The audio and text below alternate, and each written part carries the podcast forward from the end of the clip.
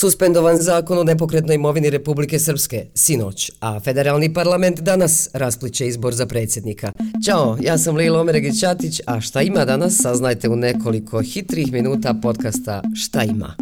One, two, three, four. A Ida će začas da nam pojasni prvo federaciju. Ćao svima, podsjećam na to da se kandidati za predsjednika i podpredsjednike Federacije Refik Lendo, Lidija Bradara i Igor Stojanović nisu uspjeli dogovoriti ko će koji od tih funkcija preuzeti. Ja, ja, ili kako je to u petak Vickasto objasnio Lendo, dogovorili su se da se nisu dogovorili, pa se nasmijao još. Što uopšte nije smiješno jer se radi o pozicijama koje se finansiraju iz budžeta.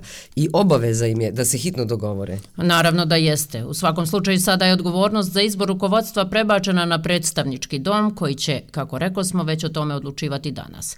Drugo dvoje kandidata iz HDZ-a i SDP-a su ostali pri odluci da predsjednica bude Bradara, a podpredsjednici Stojanović i Lendo iz SDA. Mislim da je krajnje vrijeme da preuzmemo svoje obveze i da napokon počnemo s formiranjem izvršne vlasti u Federaciji Bosne i Hercegovine. Očigledno da je ovdje ljudima manje stalo za taj aspekt koji je meni možda i najbitniji, da se poštuje građanska većina. Postoji dogovor politički. Uglavnom, vlast u federaciji još nije formirana i kad će ne znamo, a stara gazi već devetu godinu mandata.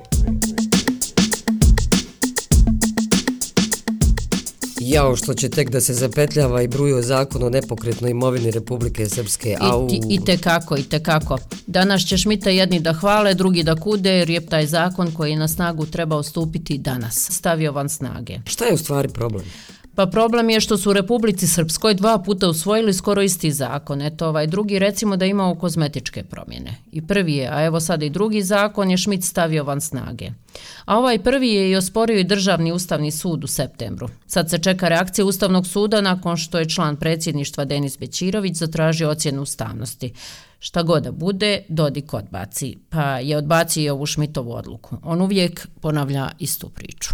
Ali to da nam uzmete, šume, zemljište, puteve, hidrocentrale i ostalo, to možete da objasnite Mačko Repir. To se sigurno neće desiti. A šta sad u praksi znači ovo baranje zakona? Ja se bojim samo da ne bude nova decenija agonije. S nama je jutro analitičar Adnan Huskić. Adnane, šta sad? Nema razloga da se neće ponovo sad igrati ovaj ping-pong, ne će se ići ovo neprovođenje. Mislim da se treba otvoriti jedna ozbiljna debata unutar Bosne i Hercegovine, kome šta zaista treba u tom smislu da pripada. Bilo je nekih razgovora ili pominjanja toga da bi možda općine trebale biti te prema kojima bi trebalo ići u smislu toga vlasništva ili titulara na državnom imovinu. Adnane, hvala na objašnjenju. Aida? Ali... Jesi pročitala onaj tekst sa Atlantika što sam ti poslala o tome kako ljudi iznad 40. o sebi misle da su mlađi nego što jesu? Ja se kontam ono, pa ja sam među njima. Jesam, jesam. Pa ljudi imaju često u glavi jednu dobu, a u stvarnosti je druga.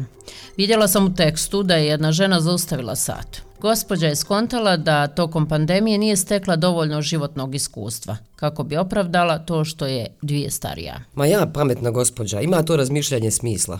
Recimo, profesorica na Yale univerzitetu Beka Levi kaže da ako ti sebe vidiš mlađim nego što jesi, onda vjeruješ da imaš još šanse da uradiš nešto dobro i vidiš se korisnim. Logično je, onda samim tim je i stavo starenju pozitivniji. Znači, ako misliš da si mlađi, to je više onda optimizam nego iluzija. Kako da ti kažem, optimistična je ova činjenična iluzija. Ozbiljno, često je zamišljena do povezana i sa nekim značajnim događajima iz prošlosti. Recimo, vidi, ja oduzmem sebi četiri godine rata, dvije godine pandemije, svaki trenutak proveden slušajući ove političare, tako da mi je u stvari 26, pa zapustim onda Alphaville iz prošlog vijeka. Hm.